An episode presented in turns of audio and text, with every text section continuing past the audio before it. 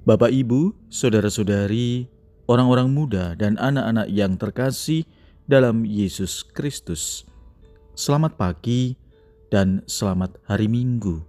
Salam bahagia dan salam seroja untuk kita semua, berkah dalam. Bersama dengan saya, Romo Antonius Garbito Pamboaci, menyampaikan salam dan berkat Allah yang Maha Kuasa dalam nama Bapa dan Putra dan Roh Kudus. Amin. Marilah kita berdoa. Allah Bapa yang Maha Murah, ajarilah kami untuk memahami jalan dan tata kebijaksanaanmu. Semoga kami yakin bahwa Engkau mencintai semua orang dari segala zaman dan mengendaki agar kami bersatu dalam cinta kasih dan mengenyahkan sikap iri hati dengan pengantaran Kristus Putramu Tuhan kami, yang bersama dengan dikau dalam persatuan roh kudus, hidup dan berkuasa Allah sepanjang segala masa. Amin. Hari ini Minggu 20 September, kita memasuki minggu biasa ke-25. Bacaan pertama dalam liturgi hari ini diambil dari kitab Yesaya bab 55 ayat 6 sampai dengan 9. Bacaan kedua diambil dari surat Rasul Paulus kepada jemaat di Filipi bab 1 ayat 20c sampai dengan 24 dilanjutkan 27a. Bacaan Injil diambil dari Injil Matius bab 20 ayat 1 sampai dengan 16a. Sekali peristiwa, Yesus mengemukakan perumpamaan berikut kepada murid-muridnya. Hal kerajaan sorga itu sama seperti seorang tuan rumah yang pagi-pagi benar keluar mencari pekerja untuk kebun anggurnya. Setelah sepakat dengan para pekerja mengenai upah sedinar sehari, ia menyuruh mereka ke kebun anggurnya. Kira-kira pukul sembilan pagi ia keluar pula dan dilihatnya ada orang-orang lain menganggur di pasar. Katanya kepada mereka, "Pergi jugalah kamu ke kebun anggurku, dan aku akan memberimu apa yang pantas." Dan mereka pun pergi. Kira-kira pukul 12 dan pukul 3 sore ia keluar pula dan berbuat seperti tadi. Kira-kira pukul 5 sore ia keluar lagi dan mendapati orang-orang lain pula. Lalu katanya kepada mereka, Mengapa kamu menganggur saja di sini sepanjang hari? Jawab mereka, "Tidak ada orang yang mengupah kami." Kata orang itu, "Pergi jugalah kamu ke kebun anggurku." Ketika hari sudah malam, berkatalah tuan itu kepada mandornya, "Panggillah sekalian pekerja itu dan bayarlah upahnya, mulai dari yang masuk terakhir sampai kepada yang masuk terdahulu." Maka datanglah mereka mulai yang bekerja kira-kira pukul lima sore. Dan mereka masing-masing menerima satu dinar. Kemudian datanglah mereka yang masuk terdahulu. Mereka mengira akan mendapat lebih besar. Tetapi mereka pun menerima masing-masing satu dinar juga. Ketika menerimanya mereka bersungut-sungut kepada tuan itu katanya, mereka yang masuk paling akhir ini hanya bekerja satu jam. Dan engkau menyamakan mereka dengan kami yang sehari suntuk bekerja berat dan menanggung panas terik matahari. Tetapi Tuhan itu menjawab salah seorang dari mereka, Saudara, aku tidak berlaku tidak adil terhadapmu. Bukankah kita telah sepakat sedinar sehari? Ambillah bagianmu dan pergilah Aku mau memberikan kepada orang yang masuk terakhir ini sama seperti kepadamu. Tidakkah aku bebas mempergunakan milikku menurut kehendak hatiku? Atau irikah, iri hatikah engkau karena aku murah hati? Demikianlah, orang yang terakhir akan menjadi yang terdahulu, dan yang terdahulu akan menjadi yang terakhir. Demikianlah sabda Tuhan terpujilah Kristus.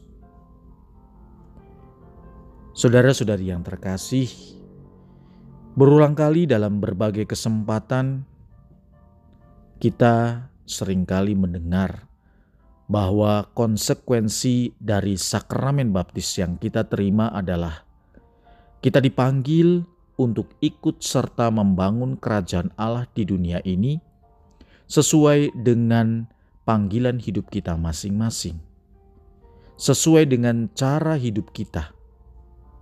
Bentuk keikutsertaan itu bisa bermacam-macam. Dengan kata lain, kita terpanggil untuk mewartakan Injil. Yang penting bukan ukuran keberhasilannya, namun bagaimana usaha kita untuk mewujudkannya. Dalam menanggapi panggilan Allah pun kita perlu kepekaan. Ada yang langsung tanggap ketika Allah memanggil, sehingga langsung mewartakan Injil dan tergerak dengan sepenuh hati. Tetapi ada pula yang nampaknya lelah tanpa gairah, hanya melihat-lihat saja dari jauh dan ada pula yang datang menanggapi panggilan Tuhan terlambat. Namun, Tuhan mengendaki semuanya ikut serta, karena Ia telah merancang dan menentukan jalan hidup kita. Dalam kehidupan sehari-hari, tak jarang kita berlaku tidak adil, iri hati, serakah terhadap hak orang lain. Seperti apakah keadilan yang ada dalam pikiran kita? Pernahkah kita berlaku adil terhadap sesama, atau malah kita cenderung bersikap rakus dan iri hati?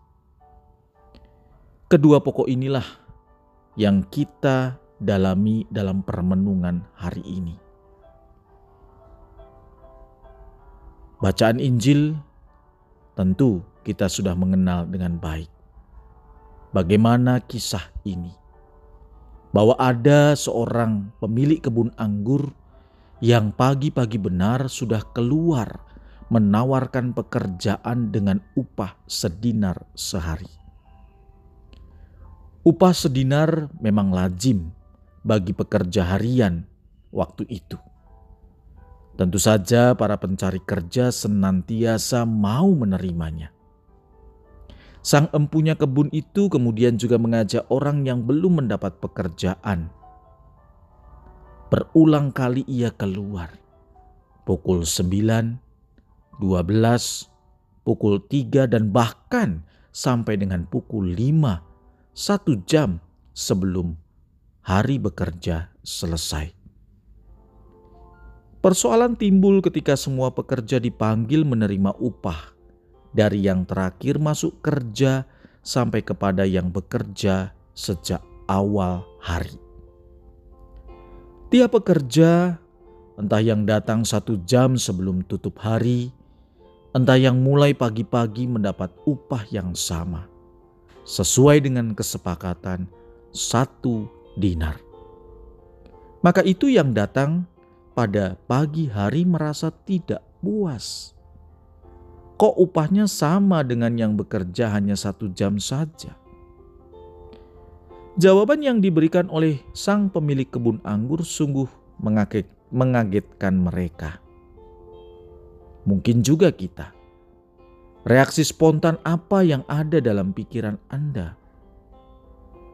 Secara harafiah atau menurut kacamata kita manusia, kita akan mengatakan bahwa sang pemilik kebun anggur berlaku tidak adil terhadap para pekerjanya. Masa iya sih yang masuk lebih dulu mendapat upah yang sama dengan yang masuk belakangan. Saudara-saudari, bagi kita, perumpamaan ini terasa menjengkelkan. Bagaimana mungkin orang yang bekerja dengan jumlah jam yang berbeda mendapat bayaran yang sama? Di manakah letak keadilan itu? Ini cara pandang kita. Ini cara pandang manusiawi tetapi tidak demikian dengan cara pandang Allah. Yesus mau menunjukkan bahwa Allah itu berbeda dengan kita. Ukuran atau takaran yang dikenakan manusia tidak bisa digunakan untuk menggunakan cara berpikir Allah. Hal itu ditegaskan pula dalam kitab Yesaya bacaan pertama hari ini rancanganku bukanlah rancanganmu, jalanmu bukanlah jalanku. Saudara-saudari yang terkasih, konsep keadilan bagi kita sering kali diartikan memberi kepada orang yang menjadi haknya. Maka berdasarkan pengertian itu kiranya apa yang dilakukan oleh pemilik kebun anggur tepat. Sebab ia telah memberikan upah yang telah disepakati sebelumnya dan itu telah menjadi haknya para pekerja.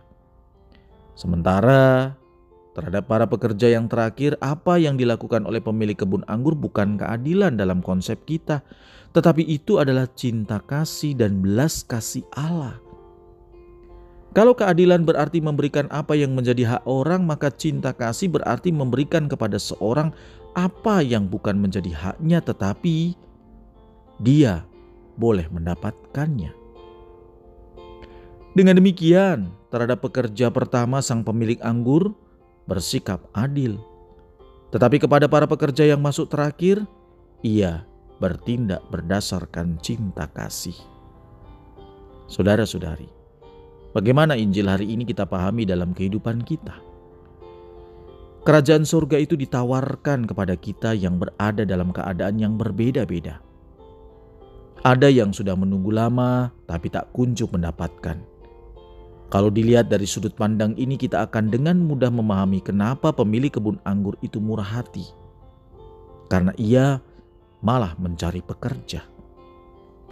Dalam kehidupan sehari-hari, kita sering kali menjadi kurang peka terhadap masalah-masalah sosial di sekitar kita. Kita cenderung bersikap acuh tak acuh. Bahkan, kita lebih mengutamakan kepentingan pribadi daripada kepentingan banyak orang. Kalau hak kita terancam, kita cenderung berontak, protes. Tetapi kalau hak kita terpenuhi, kita cenderung tidak puas, mau lebih dari yang sudah kita terima. Begitupun dalam kehidupan menggereja. Pernahkah kita berpikir untuk lebih menciptakan kreativitas kegiatan menggereja daripada sekedar mengkritik dan tidak pernah mau terlibat? Saudara-saudari yang terkasih, mari kita semakin peduli dengan sesama kita, bersikap adil, dan berlandaskan cinta kasih. Marilah kita berdoa. Ya Allah, kami bersyukur karena putramu telah menunjukkan kepada kami keadilan dan cinta kasih yang sejati. Semoga dengan rahmat sakramen Ekaristi, kami dimampukan untuk bersama mewujudkan keadilan, kedamaian, dan cinta kasih dalam hidup kami sehari-hari. Berkat Allah yang Maha Kuasa, dalam nama Bapa dan Putra dan Roh Kudus. Amin.